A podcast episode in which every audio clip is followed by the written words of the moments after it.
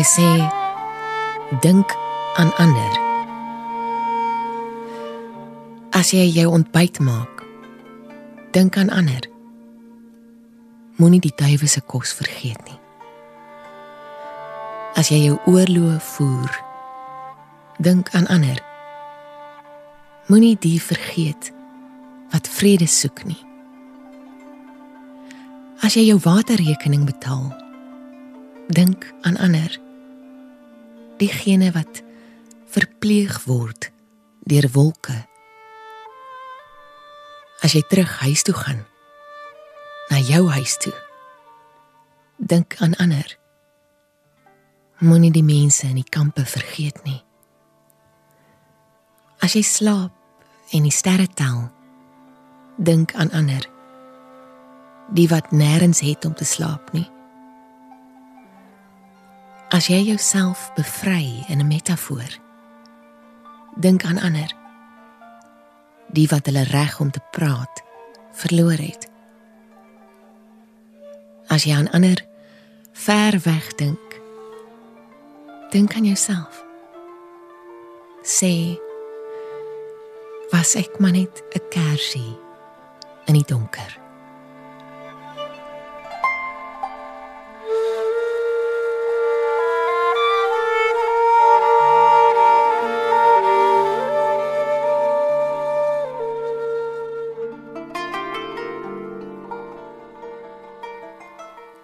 Goeienaand en baie welkom by Vers en Klank. In 2009 verskyn Breiten Breitenberg se bundel oor Mahmoud Darwish, oorblyfsel Voice Over, wat hierdie Palestynse digter aan 'n Afrikaanse en Engelse leserspubliek bekendstel.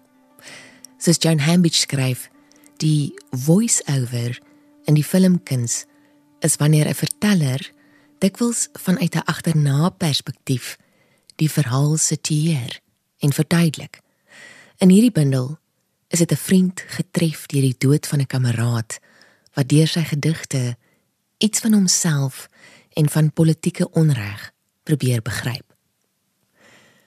Sopas verskyn Bester Meyer se Die vlug van 'n vreemdeling, vertalings van Darwish in Afrikaans met inleidende refleksies deur Breitenberg en 'n nawoord deur Shahat Abu Salama. Die bundel beslaan net oor die 300 bladsye wat dit vir my en Waldemar Schultz wat vanaand die gedigte gaan voorlees bykans onmoontlik gemaak het om te kies. Ons sou 'n paar programme daarvan kon maak. Maar ek hoop vanaand se greep daaruit dien as aansporing om hierdie digter en die avontuur waarop hy in ons taal 'n mens neem verder te verken. Dis uitgegee deur Naledi en 'n kragtige stuk werk. In Joan Hambidge se woorde, Bester Meyer se vertalings is aangrypend mooi. In Breiten Breitenberg se woorde in die voorwoord. Die onthou van hoe diep hy ons aangeraak het. Hoe vrygewig hy was. En hoe lig. Miskien as hy geweet het, sou hy op hierdie manier wou afskeid neem met geen drama nie, geen aanstellerigheid nie, geen opsweperige verklaringe nie. Miskien selfs nie met baie sekerheid meer nie. Wanhoop ja, en geluk. Die waardigheid en nederigheid van 'n stryder. En dat hy ons op 'n of ander manier sonder dat ons dit geweet of verstaan het, wou vertroos. Hy het gesê Hy ontbloot sy verse van alles behalwe die digkuns. Hy het self baie meer as van tevore uitgereik na die universeel gedeelde lot van mense en hoe dit voel om mens te wees. Miskien het hy probeer oordra dat dit nou tyd is om te onthou om dood te gaan.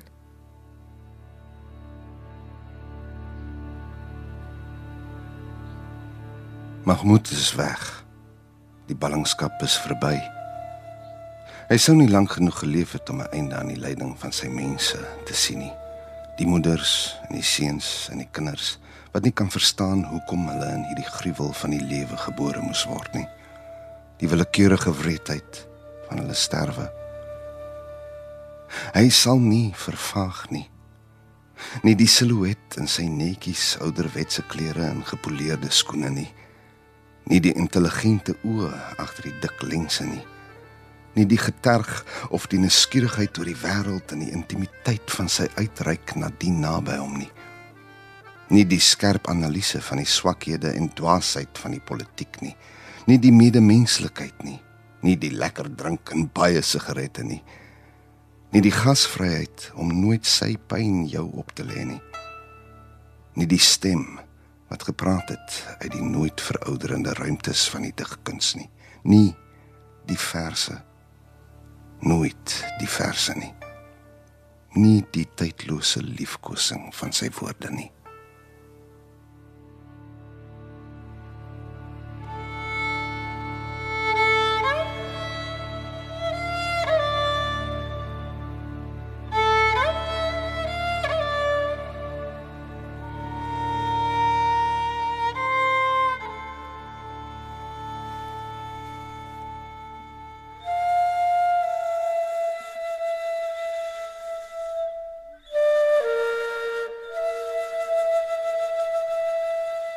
identiteitskaart.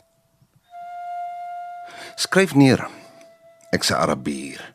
My identiteitsnommer 50000. Ek het 8 kinders en 'n negende een op pad na die somer. Sal dit jou kwaad maak? Skryf neer. Ek's 'n Arabier. Werk saam met my medewerkers by die steengroef.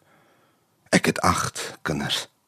Ek breek vir hulle brood, klere en boeke van die rots af. Ek smeek nie vir almoses by jou deure nie en kruip nie rond op jou drempel nie. Sal dit jou kwaad maak?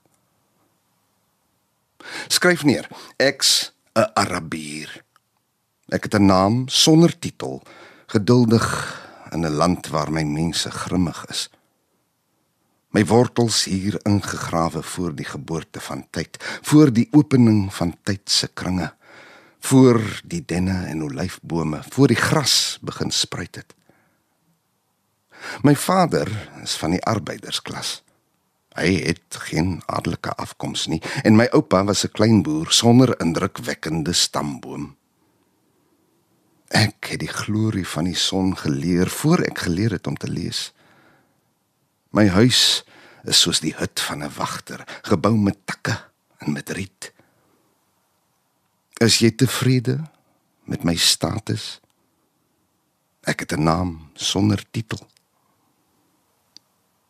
Skryf neer. Ek's 'n Arabier. Haarkleur houtskool swart, oogkleur bruin, kenmerke 'n koord om die koffie op my kop My handpalms hard soos klip. Dit krap die wat dit aanraak.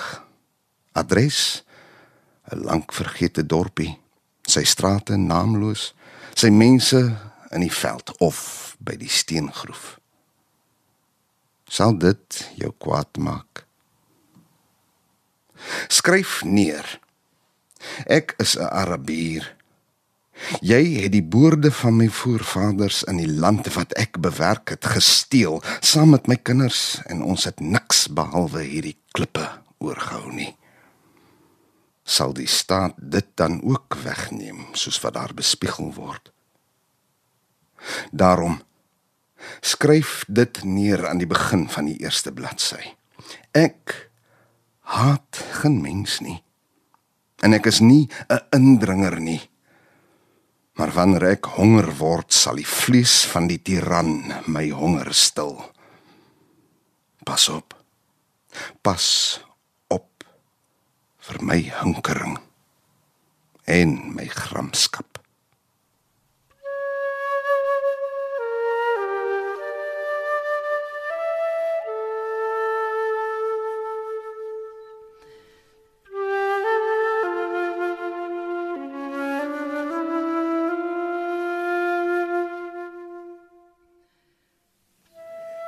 Die digter Mahmoud Darwish, 1941 tot 2008, se werk het trefkrag en hy word tereg gesien as een van die belangrikste digters in die Arabiese taal. Darwish is aan die noordekant van Galilea, Palestina gebore. En toe hy 6 jaar oud was, het die Israeliese weermag die gebied begin beset en 416 Palestynse nedersettings is vernietig.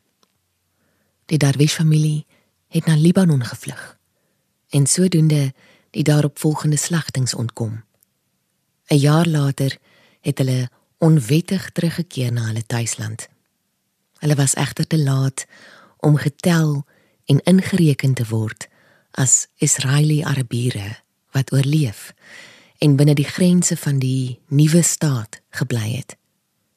Die jong Darwish word gevolglik 'n interne vlugteling en is volgens die wetgewing geklassifiseer as 'n teenwoordig afwesige vreemdeling. Die pas vir vreemde Palestynë het gebuk gegaan onder 'n militêre bewind en is onderwerp aan 'n komplekse wetlike doolhof van noodtoestandbepalings. Hulle kon nie sonder toestemming in hulle eie land reis nie. Verder was dit stellig verbode vir die 8 jaar oue Darwish om by die skool 'n gedig in die vorm van 'n klaaglied voor te dra ter viering van die tweede herdenking van Israel sonder dat die toren van 'n Israeliese goewerneur daarna op hom toegespits sou word. Hy is gevolglik genoop om weg te kruip wanneer enige Israeliese offisiere daarna op die toneel verskyn. Gedurende sy skooljare en totdat hy die land in 1970 verlaat het, is Darwish by verskeie geleenthede in die tronk gestop en heel dikwels getreiter, altyd vir die misdaad om van sy gedigte voor te lees en omdat hy sonder 'n permit van dorpie na dorpie gereis het. Die dorpie waar hy gebore is, is vernietig. En die naam is van landkaarte verwyder. Maar dis in sy geheue bewaar as ligspieeling van 'n verlore paradys. Daar's 'n uitspansel ander kan die hemel vir my terugkeer, maar steeds poets ek die metaal van hierdie plek. Ek leef my ure soos voorsien word deur die ongesiene met die wete dat tyd nie twee keer aan my kant sal wees nie. En ek weet dat ek sal gaan, dat ek sal verrys met die vlerke van die vaandel wat ek is. 'n Voël wat nooit neerdaal op die tuin se bome nie. Ek sal my vel en my taal se woorde skud en my liefdeswoorde sal in Lorca se gedigte val. Hy sal in my slaapkamer leef. Hy sal beleef wat ek gesien het van die beduïne maan. Ek sal van die amandelbome afreis soos katoen op see skuim. Die vreemdeling het verbygekom in 700 jaar se perde gedra. Die vreemdeling van hier het verbygekom sodat die vreemdeling van daar verby kan kom sal ek dan as vreemdeling verreis vanaf die rimpels van die tyd, 'n vreemdeling van Sirië en Andalusië. Hierdie land is nie my hemel nie. Tog is hierdie aand myne. Die sleutels is myne, die minarette is myne. Die lanterns is myne en selfs die self in my is ook myne. Ek is Adam van die twee Edens. Ek het die paradys twee keer verloor. Verdryf my daarom stadig en vermoor my stadig onder 'n olyfboom saam met Lorca.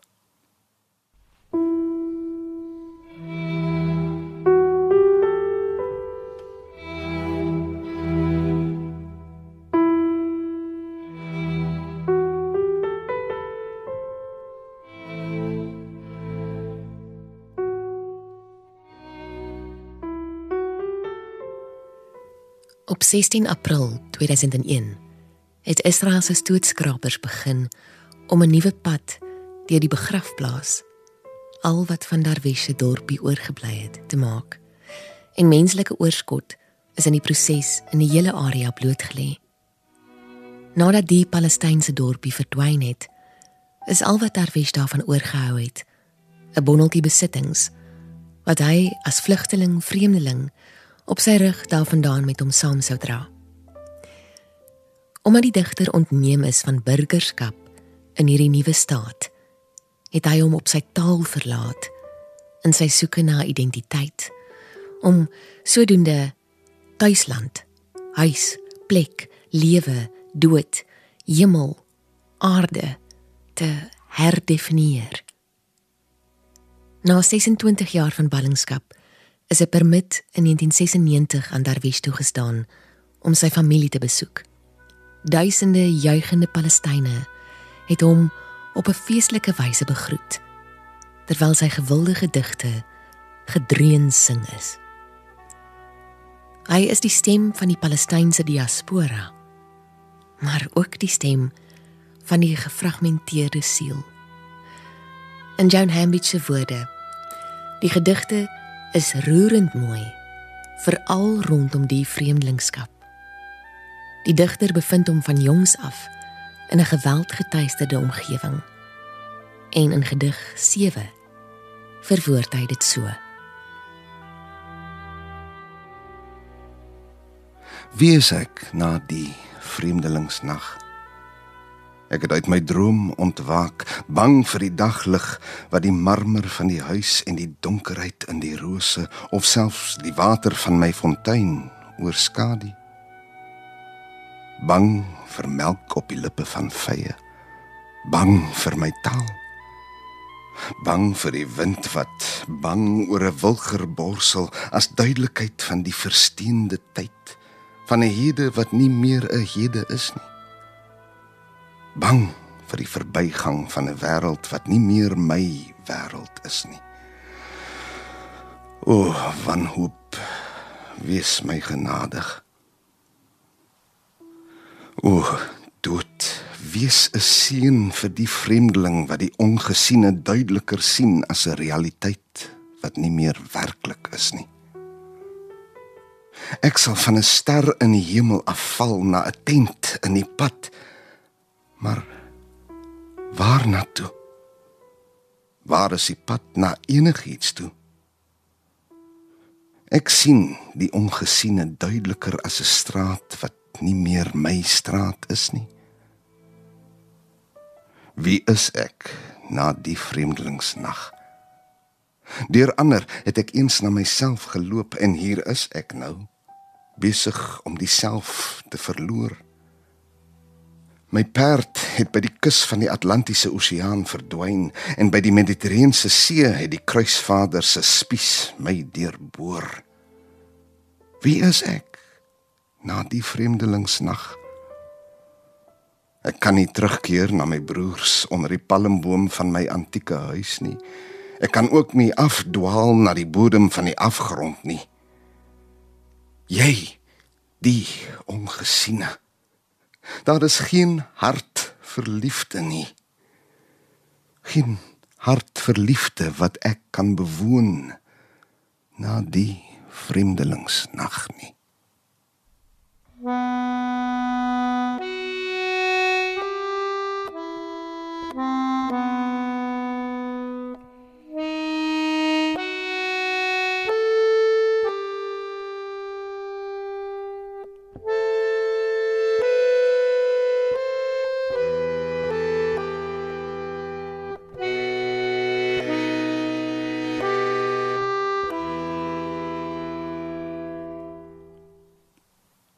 La hemel. Daar is 'n liefde wat op twee voete van sy loop. Tevrede met sy vervreemding in die strate.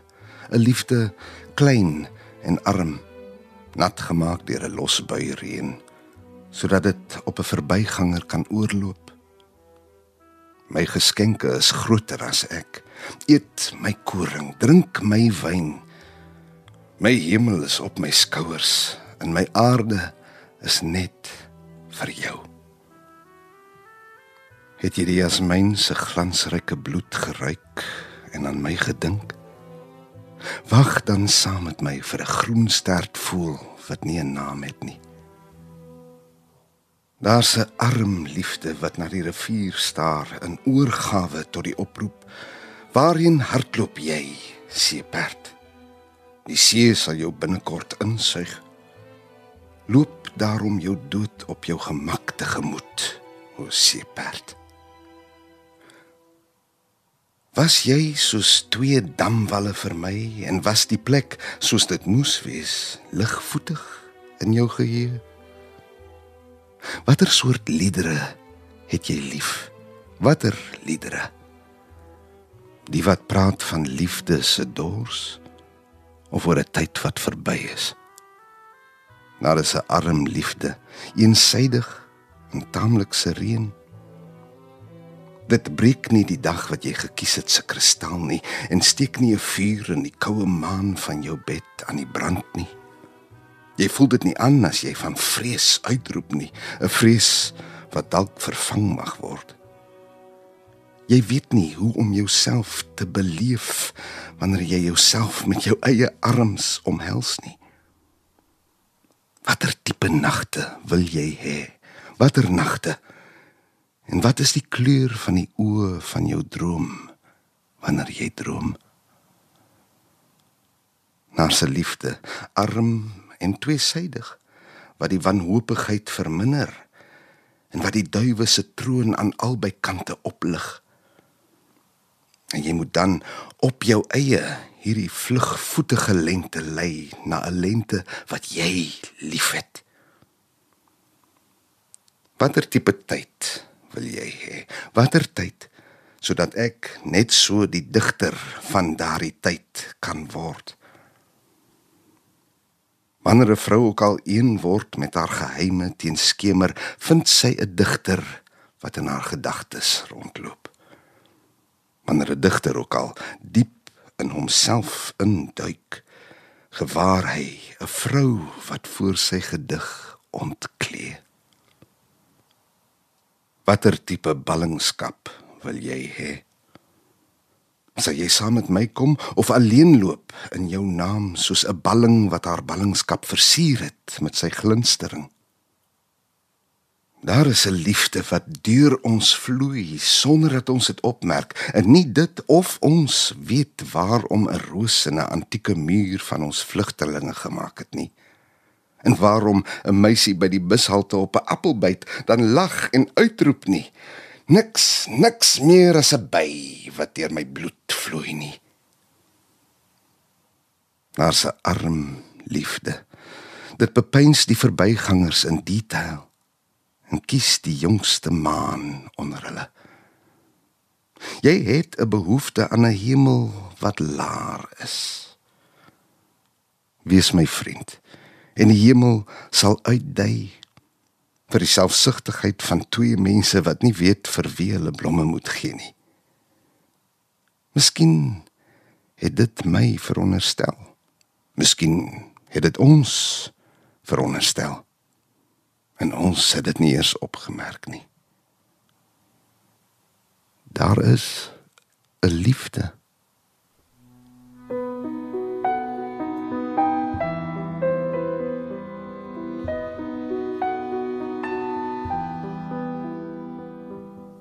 Jy luister vers en klank en vanaand hoor ons die aangrypende werk van die Palestynse digter Mahmoud Darwish, soos vertaal deur Bester Meyer en onlangs uitgegee deur Naledi.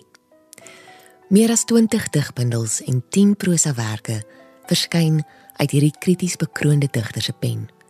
En hy word beskou as die stem van sy mense en 'n legende. Sy verse het wêreldwyd aanklank gevind by verskillende groeperinge en word deur sowel arbeiders as skoolkinders voorgedra. Die vlug van 'n vreemdeling is omdigting van Darwish se belangrikste verse en veral sy latere werk. Vir die eerste keer kan die Afrikaanse leser die trefwyte en impak van die werk van hierdie belangrike digter in sy spreektaal ervaar. Waldemar Schultz is die kunstenaar wat die gedigte vanaand van die papier af stem gee vlerke gee. In die volgende gedig wat hy gaan voorlees, poëtiese regulasies, word die digter se werkswyse veral treffend onthul Aldus Joan Hambidge. Die gedig as selfrefleksie, as iets wat jou kortstondig in die eg verbind. Maar die gedig verlaat ook die spreker. Poëtiese regulasies. Die sterre het slegs een taak gehad. Hulle het my geleer om te lees dat ek 'n taal in die hemel en nog een hier op aarde het. Wie is ek? Wie is ek? Ek wil nie nou al antwoord nie. Mag 'n ster inval op haarself en mag 'n kastanjeboom woud opreis na die Melkweg saam met my en mag dit sê jy moet hier bly.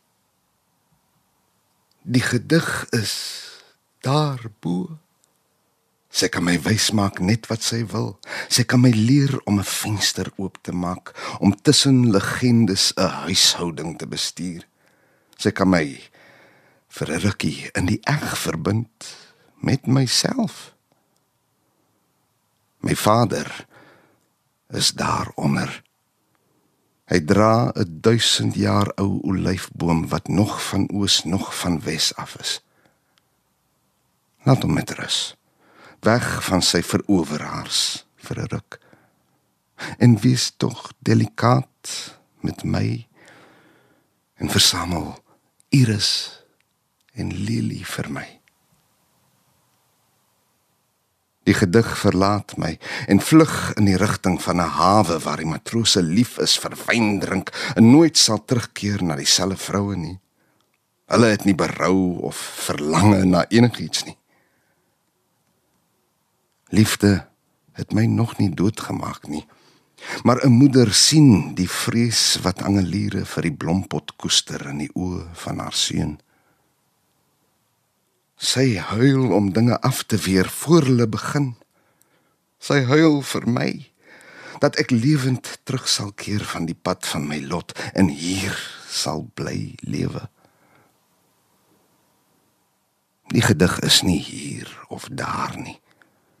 Hy kan nagte verlig met 'n meisie se boesem, met die gloed van 'n appel voltooi hy twee liggame met lig.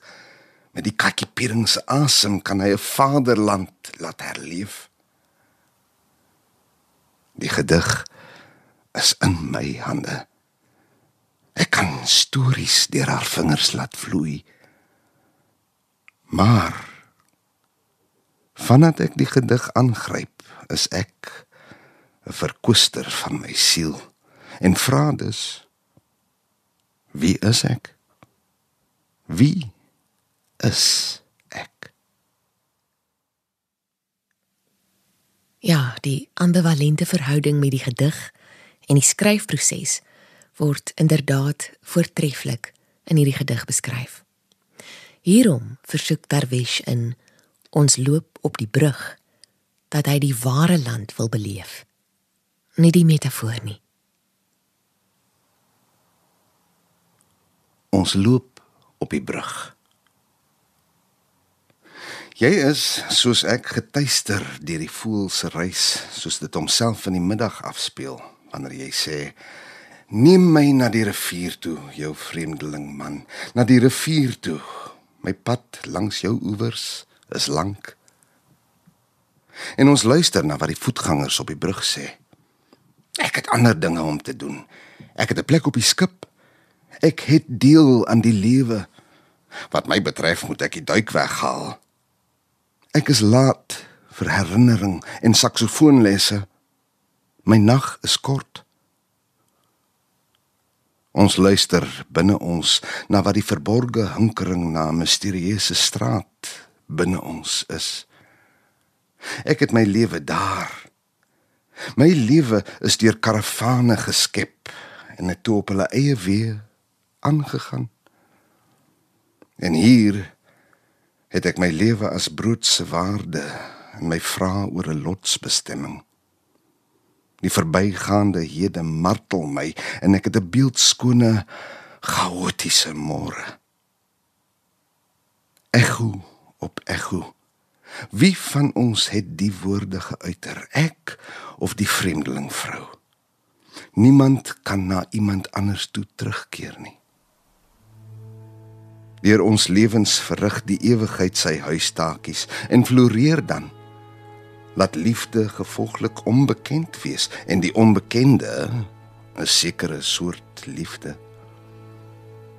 Dit is vreemd om so daarin te glo en steeds liefde hê. Want die liefde in ons mag afgemat raak van al die wag, siek word en tog nooit iets sê nie. Ons môre het genoeg tyd.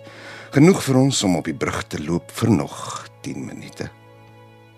Ons mag binnekort verander en die wesenstrekke van ons derde dood vergeet die roete na die huis naby die uitspansel vergeet dit wat ons dikwels in die steek gelaat het neem my daarom na die rivier toe vreemdeling vrou dalk verander ons binnekort en die onmoontlike gebeur. Soos in die geval van skryf kom die nodige altyd stiptelik aan. 'n vroulike maan om die gedig se leegheid te vul moet my nie volkome agterlaat nie maar moet my ook nie ten volle saamneem nie. Wag vir die regte tyd en die regte plek. Jy die moontlikheid en die gids die ware land se arms om my nie die metafoor nie daar by die heilige geskrif of bloot net hier? Wie van ons het gesê taal het die vermoë om die land te bewaar van 'n toestand van afwesigheid, maar slegs as die digkuns wen.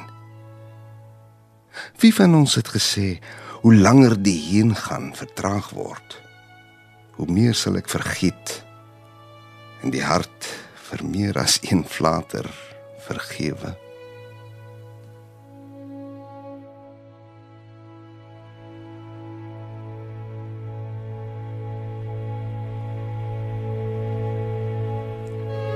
Joan Hambidge skryf in haar resensie oor hierdie bundel Die vlug van 'n vreemdeling.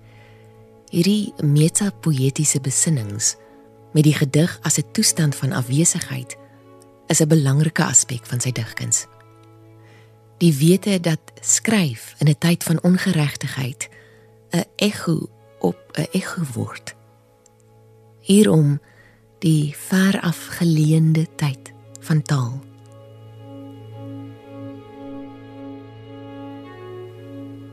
Jou nag is ligpers. Die nag broei waar jy ook al is. Jou nag is ligpers. Elke nou en dan ontsnap 'n beweging uit die straling van jou kuiltjies, breek die wynglas en word jou sterrelig verhelder. Jou nag is jou skaduwee. 'n Deeltjie van die land as vee verhaal om jou drome gelyk te maak. Ek is nie 'n reisiger of 'n bewoner van jou ligpersnag nie. Ek is die hy wat eendag myself was. Wanneer die nag ook al in jou groei, het ek die hart se rang binne 2 grade van die kol afgeraai. Nie die self of die siel aanvaar dit nie. Maar in ons liggame omhels 'n hemel, 'n aarde en jou hele wese is jou nag. 'n glansryke nag soos die ink van planete. 'n nag as verbond van die nag kruipend in my liggaam verdowend soos 'n jakkals se slaperigheid. 'n nag wat geheime uitstraal wat my taal illumineer. Wanneer dit ook al helderder is word ek banger vir die hand van môre. 'n nag wat na homself staar, veilig en gerus in sy eindeloosheid. Niks vier sy herdenking nie, behalwe sy spieël en die antieke liedere van skaapwagters in 'n somer van keisers wat siek geword het van die liefde. 'n Nag wat floreer het op sy Jahili digkuns en die grille van Imra al-Qais en ander. 'n Nag wat weier geword het vir die dromers, die melkweg na 'n hongermaan in die ver afgeleentheid van taal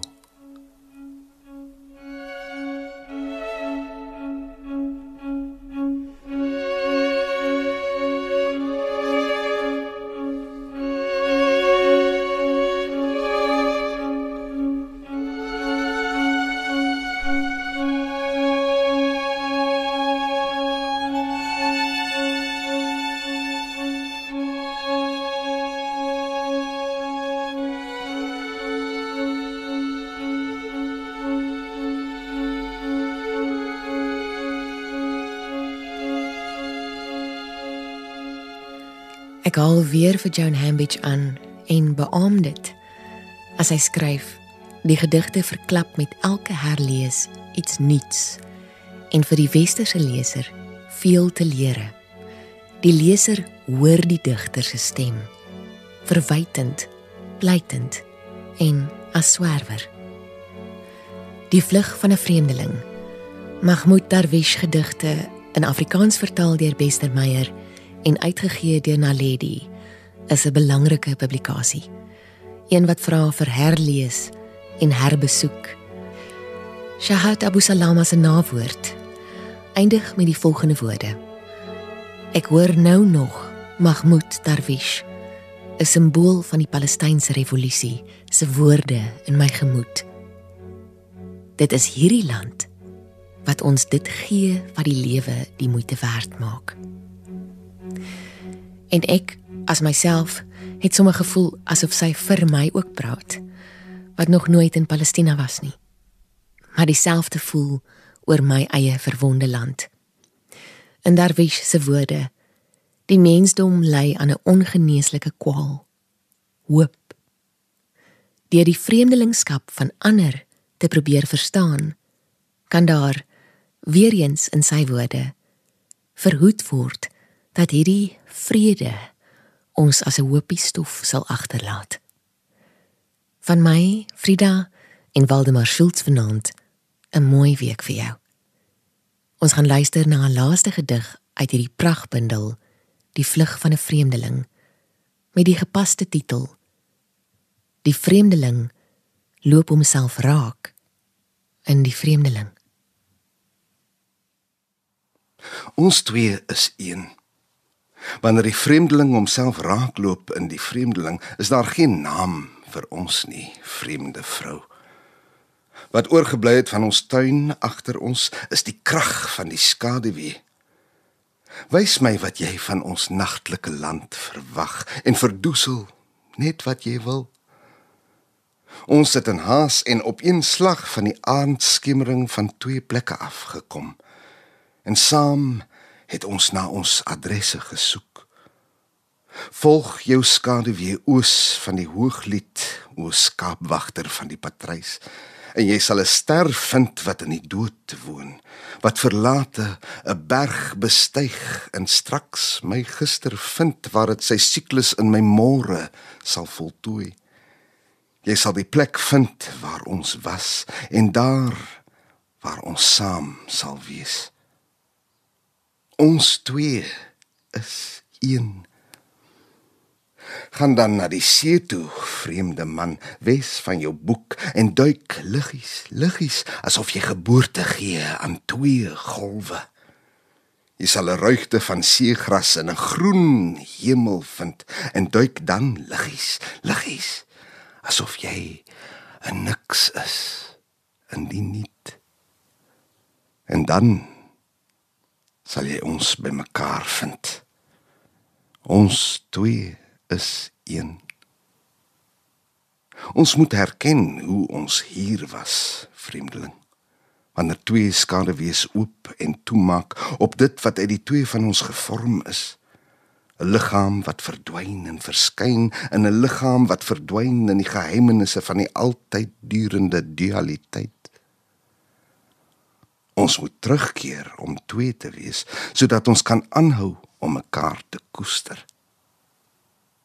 Wanneer die vreemdeling homself raakloop in die vreemdeling, is daar geen naam vir ons nie, vreemdeling.